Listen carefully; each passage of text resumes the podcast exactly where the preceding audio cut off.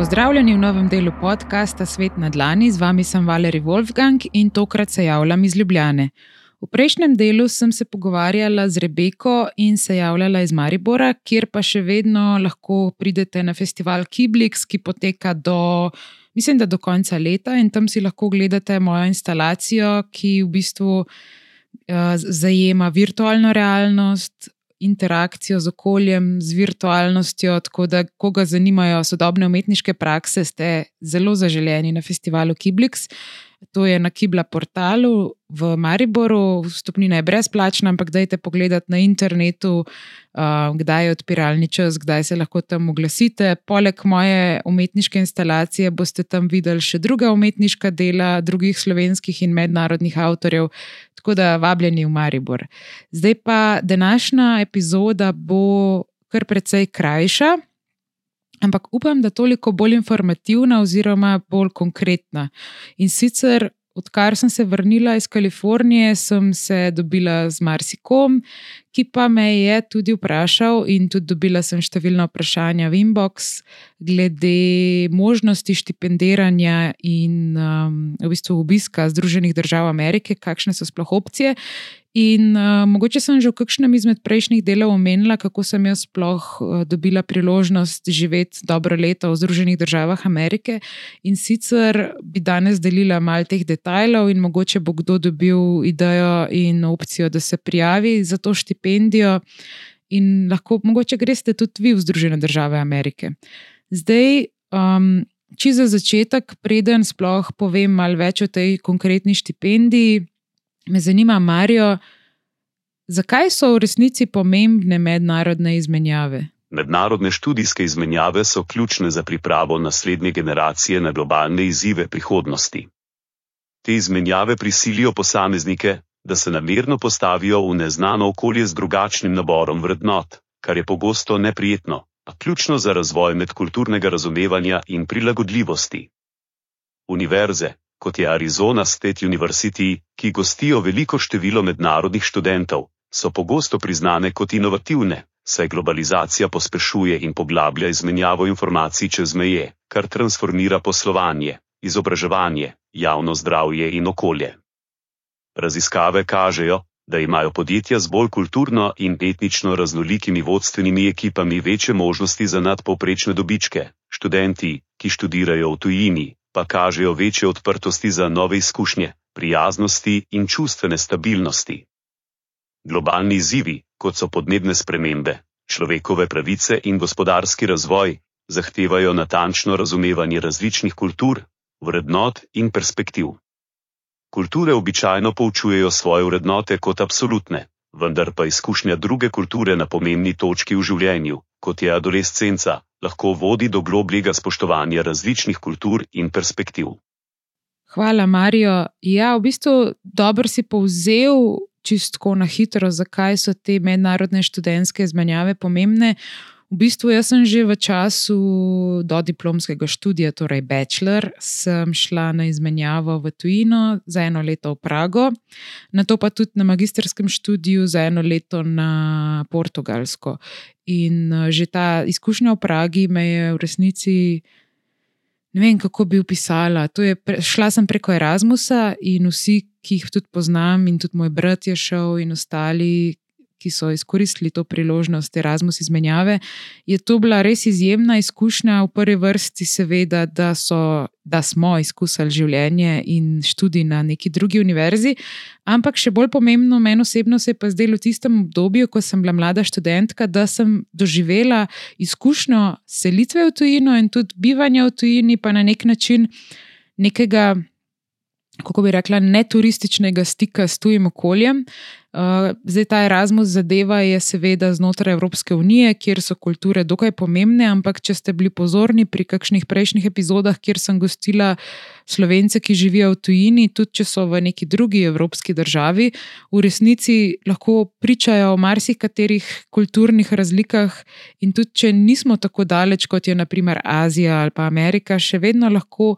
Že znotraj Slovenije v resnici najdemo v različnih področjih čist različne navade, In zdaj za nekega mladega človeka se mi zdi res izjemno pomembno, da v, te, v tem obdobju, torej ko smo stari tam okrog 18. leta ali pa nekateri tudi malo prej ali pa kasneje, se mi zdi super, da odidemo nekam iz tega varnega domačega gnezda in dobimo neko izkušnjo samostojnega odraslega življenja, ker že recimo to, ta moja izkušnja v Pragi me je naučila. Kako moram vem, poskrbeti za davčno številko v tisti državi, potem kar naenkrat čez noč mi ni bilo več samo umevno, da je hladilnik poln, da nekdo kuha za me, kot so pač moji starši skrbeli za gospodinstvo doma. In tudi bila sem v privat neki nastanitvi, imela sem um, neko mednarodno cimro, skupaj smo se mogli stvari zmeniti, ki so se dotikale tega, kako bomo si razdelili delo čiščenja v kuhinji in vseh teh stvari, ki seveda so nekaterim dostopne že s tem, ko grejo študirati v nek drug kraj in so prvič v nekih študentskih sobah ali pa diaških domovih. Ampak jaz sem imela. Mislim, tole srednjo šolo, dokaj blizu mojega kraja, in nisem potrebovala živeti v nekem takem internatu, temu rečejo nekateri. Tako da v resnici sem bila dosti zavita v vato. In moja prva izkušnja v tujini je bila ta izkušnja selitve v Prago, ki pa me je definitivno odlepila od tega varnega gnezda. Zato priporočam vsem, ki imate mogoče otroke, ki, so, ki stopajo na neko pot eh, študija, da, jim, da jih spodbujate, da grejo vsaj na študijsko izmenjavo, ker mene osebno je to res pripravilo za življenje in me je naučilo marsikaj tudi v spodbujanju sprejemanja različnih kultur, o tem, da tudi sami v bistvu smo na neke vrste pozorni na dejstvo, da smo migranti, ko gremo v drugo državo. Um, oziroma, tujci, in ta izkušnja zdaj, recimo, mi veliko da tudi v smislu razumevanja drugih kultur, ki prihajajo k nam in nekega medsebojnega spoštovanja. Zadnje čase spremljam marsikatero zgodbo uh, o nekih tujcih pri nas, ki nam hočejo slabo, ki so prišli vzeti naše službe, vsaj tako strašijo in tako pravijo, ampak glede na mojo izkušnjo in sama sem bila pogosto ta migrant, ta tujec v tujini, lahko rečem, da je marsikdaj stvar vzeta iz konteksta, tako da na nek način si želim, da bi bila družba malo bolj razumevajoča do ljudi, ki prihajajo iz tujih okolij, pa mogoče zato, ker so morali pobegati zaradi vojnih razmer, zaradi podnebnih razmer ali pa samo v iskanju boljšega življenja. Tako da poskušamo biti bolj strpni, seveda ne zagovarjam nobenega nasilja in teh zadev, kar se tega tiče, definitivno moramo preganjati vsakršno nasilje, vsakršno zlorabo, tako da ne me narobe razumete, ampak dajmo biti malenkost bolj strpni do ljudi, ki poskušajo najti boljše življenje v tujini. In ta tujina je lahko tudi Slovenija za nekatere. Tako da, tako kot mi potujemo v tujino in poskušamo najti boljše življenje, ali pa samo začasno neko študij, kariero ali pa izpopolnjevanje znanja. Na ta način, da jim razumeti tudi druge, ki pridejo k nam in poskušajo najti, seveda, boljše razmere za svojo družino, zase in na ta način uh, bogatijo in razvijajo celotno človeštvo. Zdaj pa, če se vrnem k študijskim izmenjavam. Torej, če ste starši nekih študentov, dajte jih spodbujati, da grejo vsaj na ta program Erasmus, dokler seveda je še na voljo. Jaz upam, da bo Evropska unija še naprej vlagala sredstva in spodbujala te izmenjave. Ker ne vem, v preteklosti, recimo, se mi je zdelo, vsaj tako, kar razmišljam, da je ta izkušnja vojaškega služenja nekako poskrbela za to, da so naši mladi fantje spoznali, kaj pomeni skrb zase in nekako se odlimali od doma in odrastali. Zdaj, vsaj v Sloveniji, vojaško, mislim, služenje vojaškega roka ni obvezno in zato v marsikateri mlad fant ali pa punca ne gre služiti vojaškega roka, seveda in ostaja doma, in potem se to pozna v tem, da seveda ostajamo, če zdaj starejši v domačem okolju in se ne znamo soočiti z tem, kako postati odrasel. In zdaj te študijske izmenjave se mi zdijo pa popolna priložnost za te zadeve. V prvi vrsti je zelo pomembno to, da dobimo štipendijo, ker recimo jaz si ne bi mogla prvoščiti študija v tujini, že seveda takrat v obdobju do diplomskega študija, moji starši si niso mogli prvoščiti, da bi zdaj vzeli ne vem kakšen kredit za to, da bi mi omogočili študij v tujini. In sploh zdaj, ko sem šla v Ameriko, si tudi ne predstavljam, kako bi kar čez noč odšla tja brez nekih uh, večjih sredstev, ker tudi ta štipendija, ki sem jo imela, o kateri bom danes malo govorila, torej Fulbrightova štipendija se imenuje. Uh, um, mi je omogočila, ja, da sem šla v Ameriko, da sem delala tam na univerzi in me je v resnici presenetilo, koliko je ta izkušnja draga in če ne bi imela te štipendije, si je ne bi mogla prvoščiti. Um, mogoče, če bi šla direkt delati v neko podjetje in bi mi podjetje plačalo vse stroške selitve in bivanja bi seveda zneslo, ampak kar se mene tiče, jaz sem šla tja zato, da dokončam doktorat, da nadaljujem z raziskavami na področju, ki jih preučujem, torej kako vplivajo te tehnologije, kot so obogatena resničnost, umetna inteligenca in te stvari, kako vplivajo na družbo in posameznika, in vse te stvari so. Bile mi dostopne izključno zaradi te štipendije. Tako da bi spodbudila vse, ki ste trenutno v neki fazi, uh, tudi do diplomskega študija v resnici, ker Fulbrightova štipendija je nekako znana po tem, da omogoča doktorskim študentom ali postdoktorskim študentom, da odidejo v tujino delati neke raziskave, ampak so tudi opcije v zgodnejših fazah, tako da več o tem malo poznaje. Zdaj, če nadaljujem to mojo misel, kako zapustiti varno domače gnezdo. Iskreno, mislim, da je nujno potrebno, da v nekem obdobju adolescence oziroma študija odidemo od doma, torej da gremo kot študent v najem nekam v drugo mesto. Ali pa da gremo na študijsko izmenjavo, oziroma v skrajnem primeru tudi uh, mogoče vojska ali kaj podobnega. Uh, ker opažam no, pri svoji generaciji, da tisti, ki niso imeli te možnosti ali pa niso nikoli zapustili doma, vsaj začasno, ne rečem, da se potem vrnete nazaj domov, to je čisto v redu, ampak samo to je moje mnenje, da se moramo naučiti, kaj pomeni bivati nekje drugje in. Kaj vse v resnici odraslo življenje pomeni? Ker eh, to, da zdaj pač imamo nek denar, pa si kupimo hrano, ni vse. Moramo se naučiti, kaj pomeni odvajanje davkov, kaj pomeni ne vem, že organizacija življenja, plačilo položnic, urejanje davčne številke. Vse te stvari pogosto se zdijo res logične, ampak v resnici niso logične. Tudi v šoli, zdaj nekatere šole, seveda, dajo več pozornosti na to, da mlade naučijo rokovati s temi stvarmi, ampak mene osebno. Ni nikoli noben o tem poučil, razen to, kar sem se naučila iz življenja in iz prakse. Um, tako da zdaj, ok, ta problematika je v resnici zelo široka in mogoče en podcast posvetim samo tem, ker problem je seveda tudi v stanovanjskih zadevah. Recimo, ne predstavljam si vzeti kredita v tem obdobju ali pa kupiti stanovanja, ker so cene res bolano drage. Uh, Um, najemnine so šle v višave, zdaj pred kratkim sem bila soočena s tem, da sem pomagala pri iskanju enega stanovanja v Novi Gorici in sem mislila, da v Novi Gorici so cene malenkost cenejše kot v Ljubljani, ampak sem bila šokirana nad cenami. V bistvu vsi, ki smo gledali te cene, smo bili šokirani, tako da tudi Nova Gorica ni več po nekem defaultu cenejša od glavnega mesta Slovenije. In uh, tudi marsikje druge, no, če sem iskrena, sem presenečena nad cenami, ker vse cene se slišijo dokaj v redu, glede na svetovno popraševanje, pa tudi kar sem bila vajena v Los Angelesu, so vsaj polovico cenejše. Ampak moramo vzeti v kontekst, kaj to pomeni za, mislim, koliko nam ostane od plače, neke plače in kaj kakšen del je zdaj to najemnina, mislim, bolano. Tako da o tem ne bi v tem podkastu, ker je namen tega, da predstavim to mojo Fulbrightovo štipendijo, preko katere sem tudi jaz odšla v Ameriko.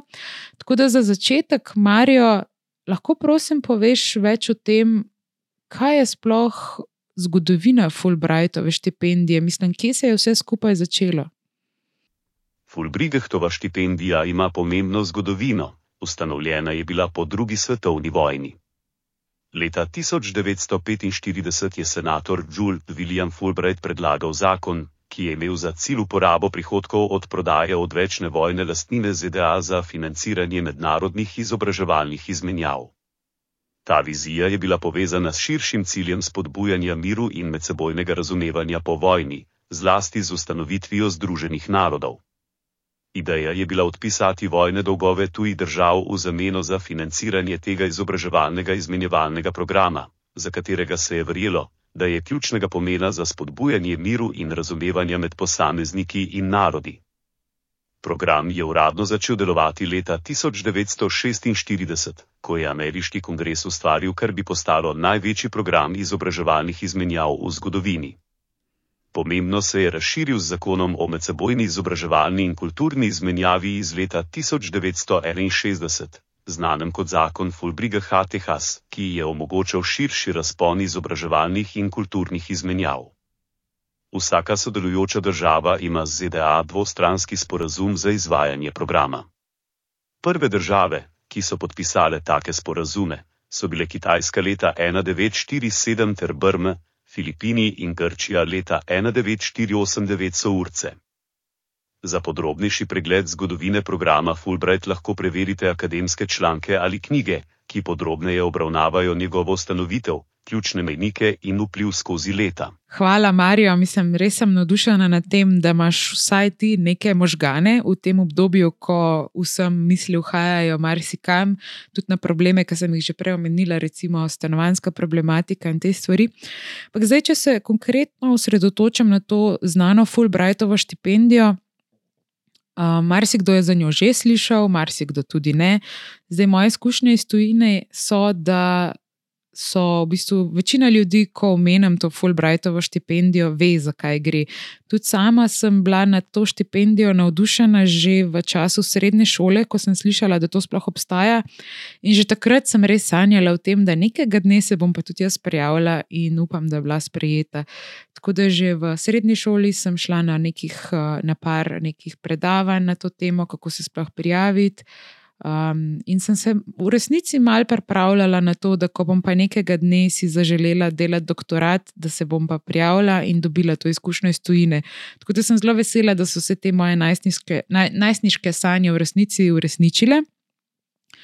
Za nekoga, ki pa še stopa v te misli, oziroma na to pot, pa bi lahko rekla, ja, da za začetek mi je všeč pri Fulbrightovi štipendiji, da gre v resnici za neke, kot je Marijo povedal v bistvu zgodovino vojne lastnine ZDA, da so financirali iz tega te izmenjave. Tudi američani hodijo na Fulbrightovo izmenjavo v tujino in v bistvu. Če tako si damo roko na srce, gre pri tej štipendiji predvsem zato, da se ameriška kultura širi po svetu. In glede na to, da je tudi Slovenija del mreže NATO in smo njihovi zavezniki, seveda imamo možnost, da se tudi na to prijavimo in izkoristimo ta sredstva.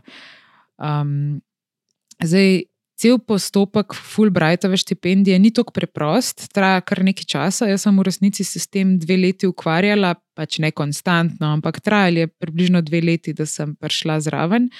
Um, za začetek bi svetovala vsem, ki vas to zanima, ne glede na to, ali ste na dodiplomskem, magistrskem ali pa post in, ali doktorskem študiju, bi vam svetovala, da pogledate stran uh, ameriške ambasade v Sloveniji ali pa slovenske ambasade, no, ki je v Ameriki. Na eni izmed teh strani boste zagotovo našli. Um, se pravi, odprt razpis. Jaz sem trenutno pogledala, pa trenutno ni odprt, ker so stvari že zaključene, ampak super je, če se pripravite na naslednjo leto. Ponavadi se razpis odpre tam enkrat konec poletja, Vsaj tako je bilo takrat, ko sem se jaz prijavljala, se je pač odprl ta razpis.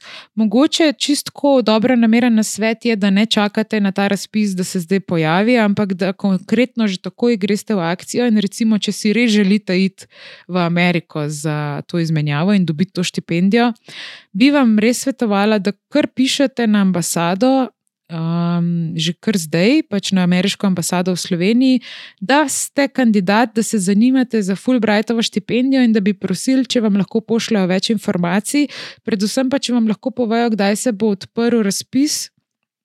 Zdaj sem glih odprla spletno stran, pa tukaj vidim, recimo. Uh, leta 2021 se je oktober uh, odprl, oziroma ne, pa, pardon, oktobra, 15. oktober 2021 je bil rok za prijavo.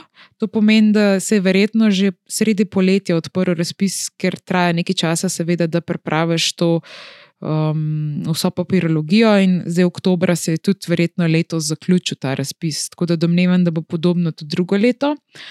Um, gre pa za to, da je ta to je izmenjava, ki je dolga med 5 mesecev in 12 mesecev. Ti se pač odločiš, za koliko časa bi rad šel. Malo je tudi odvisno, jaz konkretno sem imela kar fiksnih 9 mesecev, so mi ponudili in sem valjda vzela, ker sem rabila toliko časa, no, da sem sestavila ta celoten program in research. Uh, je pa tako, ko se prijavljate, seveda na to opcijo štipendije, morate najprej red, biti reden študent, morate vedeti, kaj delate tukaj v Sloveniji. Potem pa, če ste ugotovili, da bi radi šli v Ameriko in ta svoj študij obogatili. Uh, morate imeti konkreten načrt, kaj si želite v Ameriki sploh početi. Ker uh, v mojem primeru bom tako šla. Itak je vsak primer mal drugačen, individualen, ampak jaz sem si želela prav konkretno biti v stiku s temi raziskovalci, predvsem z področja medicine, ki delajo se pravi neke projekte v sodelovanju z sodobno tehnologijo in medicino, pa na nekem presičišču znanosti in umetnosti, ker vse te zadeve tudi obstajajo v Sloveniji, ampak Amerika je pač na tem področju še bolj. Kako bi rekla, prodorna, tam so najnovejše raziskave, najnovejša tehnologija. In ocenila sem po nekih svojih eh, praktičnih izkušnjah, da bi bilo super, če grem jaz fizično v Ameriko in se srečam z vsemi temi raziskovalci na licu mesta in spremljam te raziskave. Tako da to sem nekako dala v nek svoj strateški načrt. To sem priložila tudi prijavi ob razpisu, ker vas bojo, ko bo razpis na voljo, bo najprej treba seveda dati vso papirologijo, kje študirate, kater letnik ste, kakšne ocene imate, osnove. Potem pa vedno pride motivacijsko pismo, v katerega morate napisati, zakaj, kaj je sploh vaša motivacija, da si želite prijaviti na to štipendijo in zakaj v bistvu mislite, da bi vas mogli podpreti. To je, tukaj zdaj ni nekega pravila, kaj točno morate napisati. Jaz predlagam, da ste zelo iskreni. Jaz sem v tem motivacijskem pismu, ki je, mislim, da je dolgo, tam okrog tri strani, uh, napisala, kaj je točno moja motivacija, kaj si želim tam delati, in v bistvu iskreno povedala to, kar je pač dejstvo, kaj delam in kaj si želim delati. To je ena stvar, potem je zelo pomembno, da dobite, mislim, da so bile tri ali pa štiri priporočila nekih strokovnjakov v Sloveniji, ki spremljajo vaše delo in v bistvu v to priporočilo napišajo, zakaj menijo, da si vi zaslužite to štipendijo ali pa zakaj bi vas morali podpreti. Potem pa mislim, da je bilo treba še tudi konkretno navesti tri institucije v Združenih državah Amerike, kamor bi si želeli iti konkretno in k kateremu profesorju.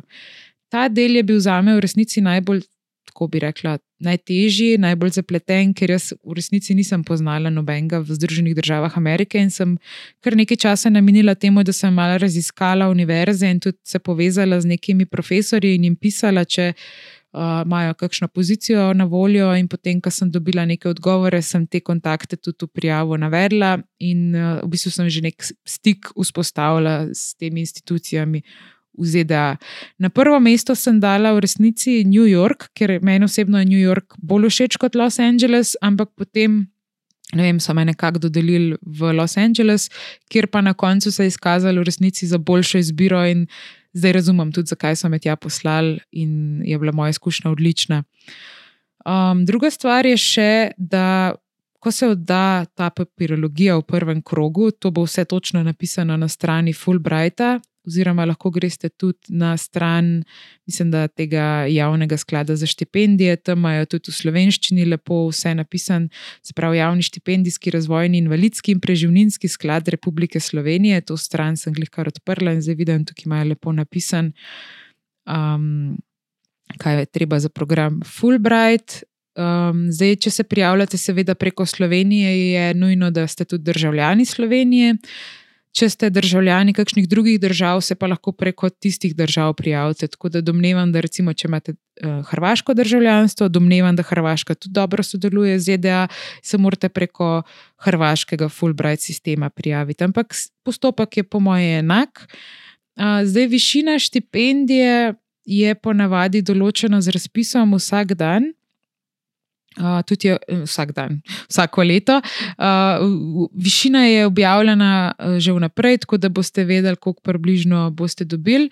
Lahko povem, da se je meni osebno zdela štipendija kar precej visoka, ker sem bila vajena prej kakšnih drugih štipendiranj znotraj Evrope, ampak na koncu se je izkazalo, da ta štipendija v resnici sploh ni tako visoka, kot sem mislila in sem mogla biti kar varčna. Um, zdaj, konkretno le, v letošnjem letu je bila za 9 mesecev, mislim, da nekih 24 tisoč evrov, ki se sliši kar dober. Ampak, ko dobite nakazano to štipendijo, vam bo kar velik del pobrala država, tako da sem dobila kar precej manj tega denarja. In na koncu se je izkazalo, da glede na višine najemnin, raznih sob ali pa tam na kampusu, tudi če si hotel dobiti sobo je, se s to štipendijo ni šlo. Tako da nujno vam priporočam, da če boste razmišljali o izmenjavi ali pa študiju v ZDA, da poleg vseh teh štipendij imate kar konkretno še nekaj našparano, ker če ne, ne boste preživeli. Hrana je 45% dražja ali pa 50% celo uh, kot v Sloveniji, najemnine so štirikrat više, tako da nujno našparajte več denarja, ampak če je to nekaj, kar si želite in vidite, da bo nujno potrebno na področju vašega študija, seveda je razumljivo, da greste v to zgodbo. Morate se pa zavedati, da. Kakorkoli, tudi meni so zelo zagotavljali, da bo ta štipendija dovolj visoka. In ok, bila je, ampak sem res mogla skromno živeti, mogla sem um, res paziti na svoje finance. Poleg tega pa še To je zelo pomembno, ko greste v Združene države Amerike. Vsaj jaz sem bila v tej situaciji, sem dobila to vizo um, J1, se imenuje J1. In ta viza pač je namenjena talentom oziroma tudi študentom, ki začasno gostujejo v ZDA. In v bistvu Viza je super, tam lahko živiš in vse, ampak ne omogoča ti pa dela v tujini, ker jaz sem v bistvu hotela potem še kaj delati tam na kampusu ali pa za neko začasno službo si najti, ampak ta viza v resnici ti ne da dovoljenja za delo in potem ne morete zdaj računati na to, da ko boste šli v ZDA, boste pa imeli dovolj denarja, ker boste zraven še delali, ker plače so načeloma kar precej više kot v Sloveniji, ampak žal se ne sklada s to vizo. To je ena stvar. Druga stvar je pa ta, da tudi če bi pa recimo dobila jaz tam dovoljenje za delo, je pa tako intenziven bil ta program, da v resnici nisem imela časa, da bi še delala. Razen mogoče vikende bi šlo, ampak potem je bila ta situacija s papirologijo tako zapletena, da mi ni uspelo urediti. Um, tako da to je ena stvar. Potem pa še zelo pomembno, kdorkoli bo šel v ta proces Fulbrighta, se mi zdi to, da da morate biti izredno samostojni. Jaz zdaj ne vem, tisti, ki greste na Erasmus, je malo bolj strukturirana zadeva, ampak če greste na Fulbrighta, morate biti pa res izjemno samostojni, ker recimo srečala sem par Fulbrightovih štipendistov v ZDA, recimo konkretno sva se z enim fantom zelo ujela, ki je bil iz Pariza raziskovalec in je podobno področje raziskoval kot jaz, samo na drugi univerzi. Za začetek Fulbrightovih študentov res ni veliko. Na moji univerzi, Chapman University, sem bila jaz edina um, na Fulbrightovem programu. In tudi, ko sem malo sprašvala profesorje, so rekli, da v resnici je, sem prva študentka po vem, desetih letih, ki je prišla preko Fulbrighta k njim. In tudi oni v resnici ful na začetku niso vedeli, kaj točno bi z mano, ker moj status je bil pa na univerzi ne kot študent, ampak kot stav pač kot da sem bila del zaposlenih, in potem sem tudi avtomatsko v bistvu dobila naziv Teaching Assistant. In uh, že takoj prvi profesor me je vzel kot za svojega asistenta, asistentko. In sem jaz potem delala tam kot asistentka. To je potem izgledalo tako, da sem dobila kar študente in sem mogla njim predavati. Mislim, mogla. Pač vprašali so me, če bi, pa sem rekla, ja, ker je bila to tudi izkušnja za me in jaz že tako predavam, imam to prakso in rada predavam in delam študenti. Tako da mi je bilo v resnici všeč. Ker sem delala potem s temi undergraduate, pa graduate študenti, ampak ne z doktorskimi študenti, torej sem imela jaz bachelor, pa master, čez. Kot, jaz pa kot doktorski študent sem pač podajala to znanje naprej, hkrati sem se pa tudi učila malo v tej pedagoški praksi. Skratka, ampak to sem hotela reči. Če greste na Fulbrighta, ne pričakujte, da gre to za neko zelo strukturirano zadevo.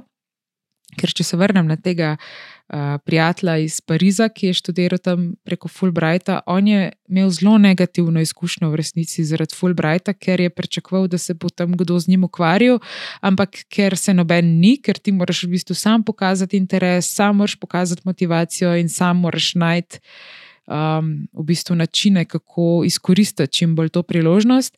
Je on dobesedno eno leto čakal, tam se valjal po tisti univerzi in noben se pač ni kaj velik z njim ukvarjal, tako da na koncu je šel domov, brez da bi karkoli sploh počel, razen da je skozi čakal, pa pričakoval ne vem kaj od ne vem koga. Tako da On je imel zelo negativno izkušnjo, jaz sem pa take sorte, pa že po defaultu rada sprašujem, rada se povezujem z ljudmi, tako da so se na koncu kar precej z mano ukvarjali, ampak vse čas sem bila jaz tista, ki je v bistvu dala pobudo in iskala nove vire, nove raziskovalce, nove laboratorije. Tako da, če ste. Taki, če ocenjujete zase, da ste zelo samoinicijativni in motivirani, vam zelo svetujem to štipendijo.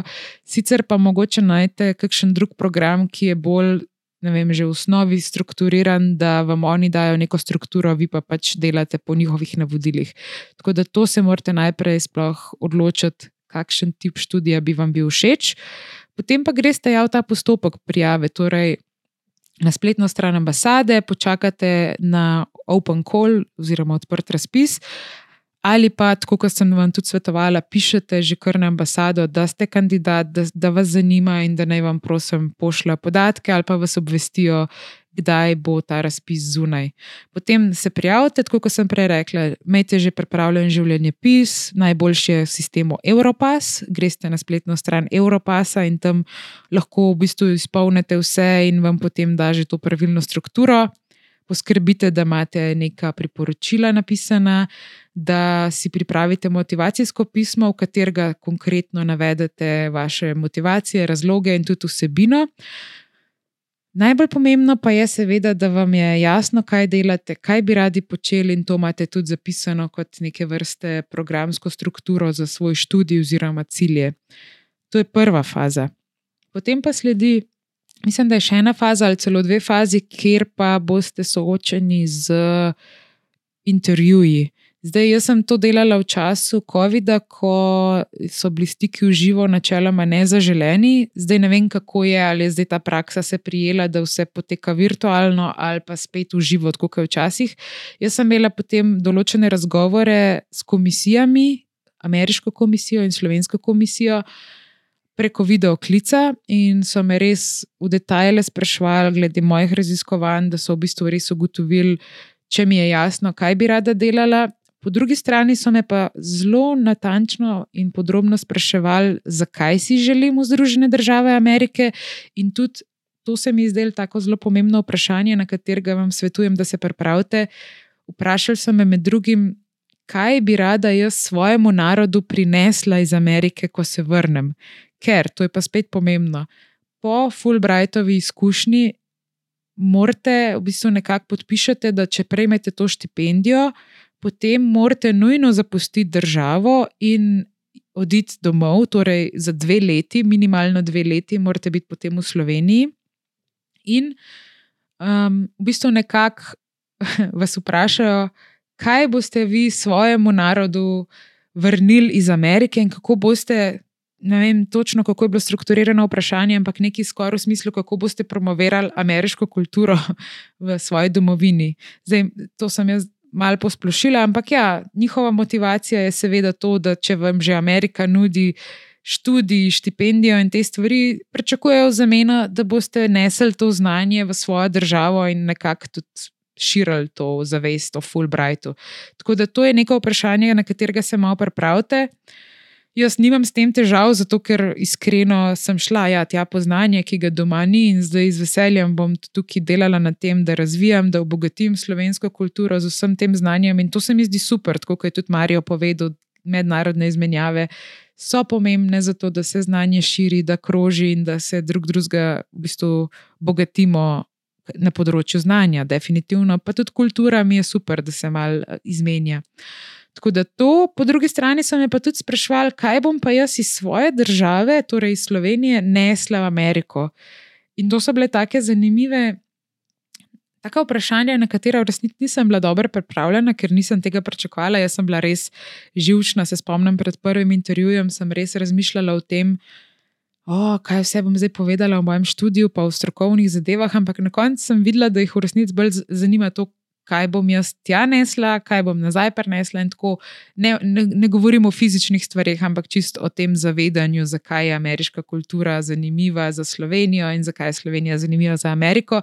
Kar je v resnici tako mal hecen, ker Slovenija je tako majhna država v primerjavi z Ameriko, da bi lahko rekel, da se v Ameriki je vse za Slovenijo. Ampak Na nek način je pa super, kako lahko nek človek iz tako malega naroda in tudi iz Evrope nese neke stvari tja v Ameriko in dejansko z vsemi, ki sem imela stike, je šlo za neke prijetne izmenjave nekih življenjskih navad in pogledov na svet. Tako da, to, če boste šli v to zgodbo Fulbrighta, imejte zelo v mislih in um, se pripravite ja, na takšne in drugačne vprašanja.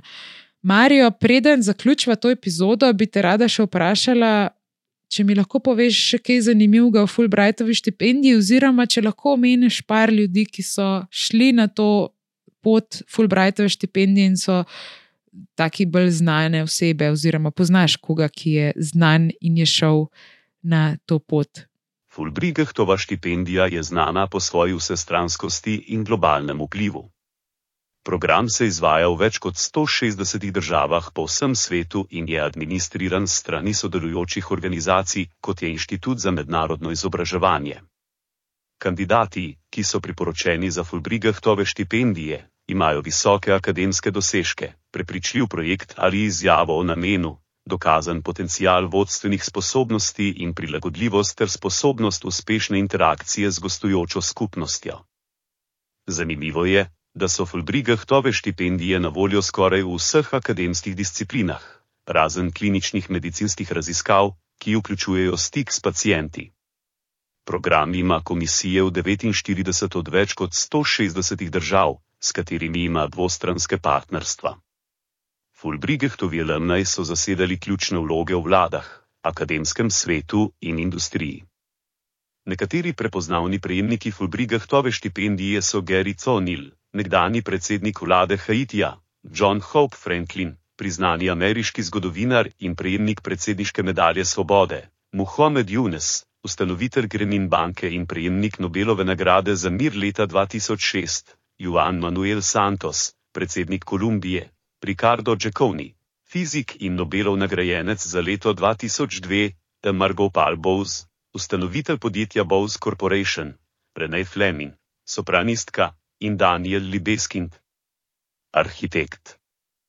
Ta štipendija je imela velik vpliv na svetovno skupnost, kar se odraža v izjemnih dosežkih njenih alumnov. Hvala, Marijo, za to znanje. Ja, omenil si kar nekaj znanih ljudi, sicer tvoj naglas še vedno šepa in vidim, da imaš težave z izgovorjavo. Ampak Ja, tako bom rekla. Svetujem vsem, ki ste na tej poti, da se prijavite za Fulbrightovo štipendijo, saj vam bo v prvi vrsti omogočila finančno izmenjavo, možnost sploh, da greste v Združene države Amerike.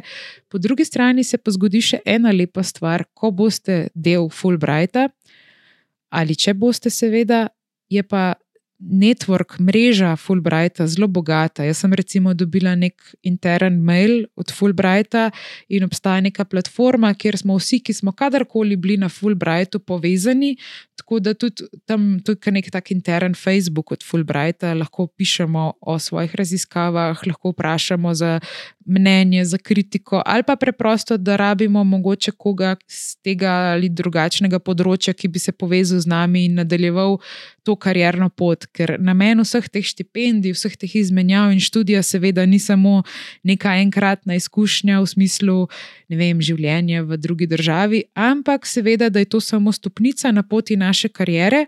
Tako da tudi, če greste na Erasmus izmenjavo ali pa samo službeno pot, recimo v tujino, ne pa izmenjavo nekih znanj, naj to ne bo samo neka turistična izkušnja, ampak dajte delati na tem, da gradite mrežo, da izkoristite vse čas za ta networking, mreženje, da spoznate ljudi, da date možnost biti tudi vi dostopni. In jaz, recimo, zelo cenim to področje povezovanja ljudi, tudi rada vedno pomagam, rada vedno povežem ljudi, dam kontakte, ne skrivam tega, nočem zdaj, če imam pa jaz neke kontakte v ZDA, pač imeti te kontakte samo zase, ampak se mi zdi super, da delim to ljudem in tudi rada imam ljudi, ki so podobnega mišljenja in mene naprej povežejo.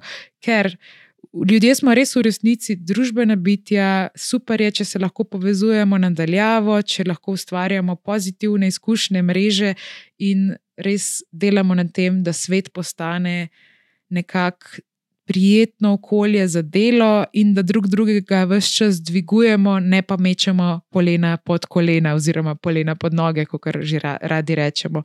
Tako da vsem želim res uspešno karjerno pot. Svetujem, da se prijavite na Fulbrightov program, da pogledate na strani ambasade, če bi želeli to izkušnjo.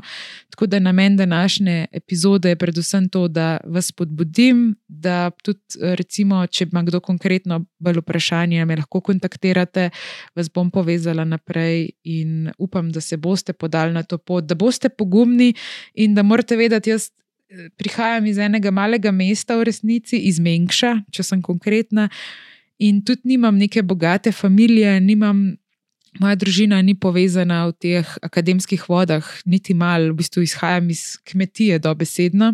Ampak vedno, ko sem bila majhna, sem si želela neko karjerno pot, sem delala na tem, še vedno delam in upam, da bom tudi v prihodnosti.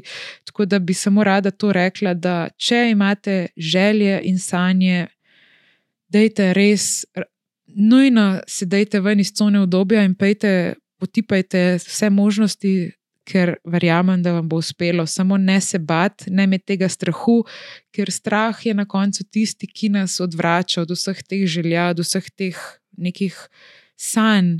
In sanje se lahko uresničijo, ampak moramo biti pogumni. In če bomo se vrgali v to vodo, bomo definitivno zaplavali in v tej vodi srečali tudi druge ljudi, ki nam bodo pomagali, da bomo ostali na površju.